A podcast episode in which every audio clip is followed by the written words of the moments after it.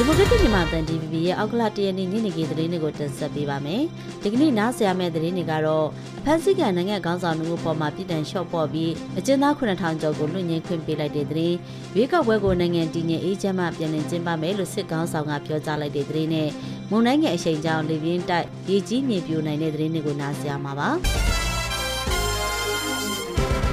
နိုင်ငံတော်တိုင်ပင်ခံပုဂ္ဂိုလ်တော်ဆန်းစုကြည်နဲ့နိုင်ငံတော်သမ္မတဦးဝင်းမြင့်တို့အပေါ်မှာချမှတ်ထားတဲ့ပြည်တံတချို့ကိုလျှော့ပေးလိုက်ပြီးနိုင်ငံတော်အကျဉ်းထောင်အချုပ်ထောင်အချုပ်စခန်းအသီးသီးကပြည်တံကြခံရတဲ့အကျဉ်းသားအကျဉ်းသူ9949ကိုပြည်တံလွှင့်ငင်းခွင့်ပြုလိုက်တယ်လို့စစ်ကောင်စီကအောက်ကလာတရက်နေ့မှာကြေညာပါတယ်။ဒေါ်ဆန်းစုကြည်ကြခံရတဲ့အမှု16မှုတွေကနေ9မှုကိုလွှင့်ငင်းချမ်းသာခွင့်ပေးလိုက်တယ်လို့သမ္မတဦးဝင်းမြင့်ရဲ့အမှု10မှုတွေကနေအမှု2မှုကိုလွှင့်ငင်းခွင့်ပေးလိုက်တာဖြစ်ပါတယ်။ဒါအပြင်နိုင်ငံသားအကျဉ်းသား125ဦး MNDAA AA TNL စတဲ့တိုင်းသားလက်နက်ကိုင်ဖွဲ့တွေက22ဦးနဲ့တိုင်းသားလက်နက်ကိုင်တွေနဲ့ဆက်ဆက်သူ82ဦးကိုလည်းပြည်လည်လွှတ်ပေးခဲ့တယ်လို့သိရပါတယ်။ဒီကနေ့ဒုတိယဝါဆိုလပြည်နယ်မှာကြာရောက်တဲ့တမန်ဆက်ကြအခါတော်နေ့အထိမ်းအမှတ်ဖြစ်၎င်းပြည်သူလူထုစိတ်ဝမ်းအေးချမ်းရေးနဲ့လူသားချင်းစာနာထောက်ထားမှုကိုလေးထားသောအဖြစ်၎င်းပြည်တံလွှင့်ညှိခွင့်ပြုလိုက်တာလို့စစ်ကောင်စီအတွေ့အမှုအောင်လင်းတွေအမိန့်နဲ့ထုတ်ပြန်ကြေညာထားပါတယ်။အကျဉ်းသားတွေကိုရာဇဝတ်ကျင့်ထုံးပုံမှန်401ပုံမှန်1အရာနောက်တစ်ချိန်ပြည်မှုထပ်မံကျွလွန်မှာကအဆိုပါပြည်တံအပြင်ကြန့်ရှိနေသေးတဲ့ပြည်တံတွေဆက်လက်ကြခံရမယ်ဆိုတဲ့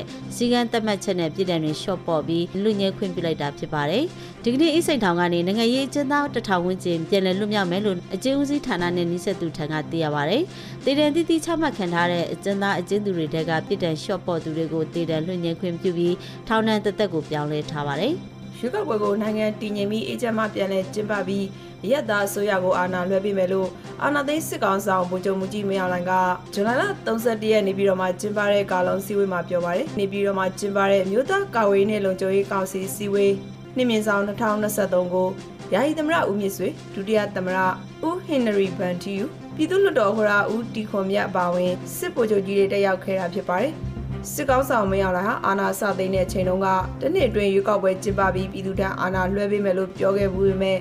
အခုချိန်ထိအာဏာသိမ်းတက်တံကိုအကြောင်းမျိုးမျိုးပြပြီးတရားမဝင်ထပ်တိုးနေတာဖြစ်ပါတယ်။လက်တလောနိုင်ငံအတွင်းရှိနေတဲ့နိုင်ငံရေးပါတီတွေထဲမှာ ပါတီ90ကမပုံတင်ထားပြီးထပ်မံလျှောက်ထားတဲ့ပါတီ73ပါတီရှိရလို့ရှင်းပြပါတယ်။ပြည်သူ့လွှတ်တော်ဥက္ကဋ္ဌဦးတီခွန်မြတ်ကလည်းနိုင်ငံမတည်ငြိမ်သေးတဲ့အတွက်တက်မတော်ကအာဏာသိမ်းတက်တံကိုနောက်ထပ်6လထပ်တိုးဖို့ထောက်ခံဆွေးနွေးခဲ့ပါတယ်။ဒီနောက်မြို့သားကောက်ရေးနဲ့လုံခြုံရေးကောင်စီဖွဲ့တွေအားလုံးရဲ့သဘောတူဆွေးနွေးဆုံးဖြတ်ချက်နဲ့နိုင်ငံတော်ရဲ့နိုင်ငံရေးအခြေအနေအရနိုင်ငံတော်လုံးရေးပေါ်အခြေအနေကြီးညာထားတဲ့ကာလကိုဩဂုတ်လ၁ရက်နေ့ကနေနောက်ထပ်6လတိုးမြင့်သတ်မှတ်ကြောင်းကြေညာပါတယ်စစ်ကောင်စီအနေနဲ့ရွေးကောက်ပွဲကျင်းပနိုင်မှုလားလာမရှိတာကြောင့် နိုင်ငံရေးထွက်ပေါက်ပိတ်နေချိန်မှာသူတို့အာဏာကိုဒီလိုနည်းနဲ့ပဲဆက်တိုးသွားဖို့ရှိတယ်လို့ဝိုင်းရခိုင်နိုင်ငံရေးသမားကြီးဦးဖေတန်းကဝေဖန်ပါတယ်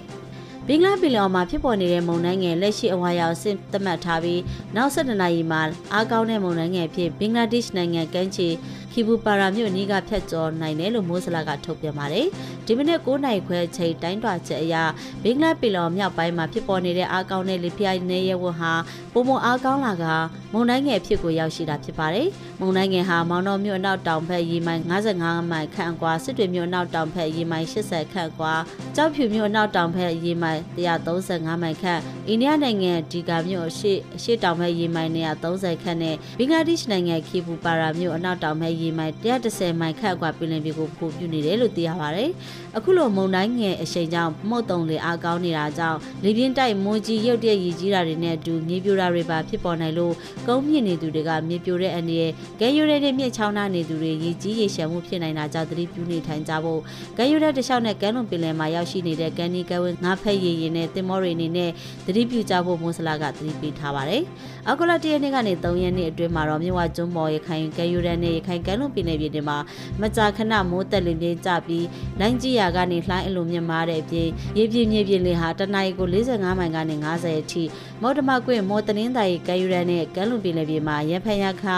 မိုးတက်လေပြင်းကြရောက်ပြီးလှိုင်းကြီးမှာဖြစ်ပြီးရေပြင်းမြေပြင်းလေးဟာလည်းတနအီကိုမိုင်40အထိတိုက်ခိုက်နိုင်တယ်လို့မွတ်စလာကထုတ်ပြန်ထားပါတယ်။ရခိုင်ပြည်နယ်စစ်တွေမြို့မှာရှိတဲ့ဘီရို KTV ကိုစစ်ကောင်စီတပ်ကအင်အားလုံးရင်သုံးပြီးဇန်နဝါရီ30ရက်နေ့ညပိုင်းကဝင်ရောက်စီးနင်းကဝန်ထမ်းတွေပါဝင်လူ60လောက်ကိုစစ်တွေမြို့အမှတ်1ရဲစခန်းမှာဖမ်းဆီးထိန်းသိမ်းထားတယ်လို့အင်ဖြူရော KTV ဝန်ထမ်းတွေကပြောပါတယ်စစ်ကား5စီးရဲကား3စီးနဲ့ KTV ကိုဝင်ရောက်စီးနင်းခဲ့ပြီးတချင်းစုံနေသူတွေကိုမှတ်ပုံတွေပြခိုင်းက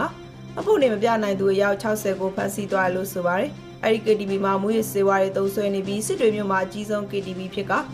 မွေးစေဝါရောင်းဝယ်သူတွေနဲ့လူမျိုးခြားတွေတွေ့ဆုံတဲ့နေရာတစ်ခုလည်းဖြစ်တယ်လို့ဒေသခံတယောက်ကပြောပါတယ်။ မွန်ပြည်နယ်တထုံမြို့မှာဇူလိုင်လ30ရက်နေ့ညပိုင်းကမိုးတိထန်စွာရွာသွန်းပြီးလေပြင်းတိုက်ခတ်မှုကြောင့်တထုံဘူတာဝန်းအတွင်းကမြေထားလိုင်းခန်းနေပေါ်ကိုကုတ်ကိုပင်ပြိုကျကလူ9ယောက်ထိခိုက်ဒဏ်ရာရှိခဲ့ပါတယ်။လေပြင်းတိုက်ခတ်မှုအချိန်ကြောင့်ကုတ်ကိုပင်ဟာအမြစ်ကနေကျွတ်ထွက်ပြီးရထားဝန်းလိုင်းခန်းနေပေါ်ကိုပြီးခဲ့တဲ့အတွက်မြို့သား2ယောက်နဲ့မြို့သမီး3ယောက်မစိုးရဒဏ်ရာတွေရရှိခဲ့တယ်လို့လူမှုကေဇရေးသမားတွေကဆိုပါတယ်။ဒဏ်ရာရသူတွေကိုကေဇရေးအဖွဲ့တွေကတထုံဆေးရုံကိုပို့ဆောင်ပြီးစိတ်ကူတာမှုခံယူနေတယ်လို့သိရပါတယ်။ဇူလိုင်လအတွင်းမွန်ပြည်နယ်ထဲမှာရေကြီးရေရှမ်းမှုတွေနဲ့တောင်ပြိုမှုတွေကြောင့်လူ၄ဦးသေဆုံးခဲ့ပါတယ်ရှင်။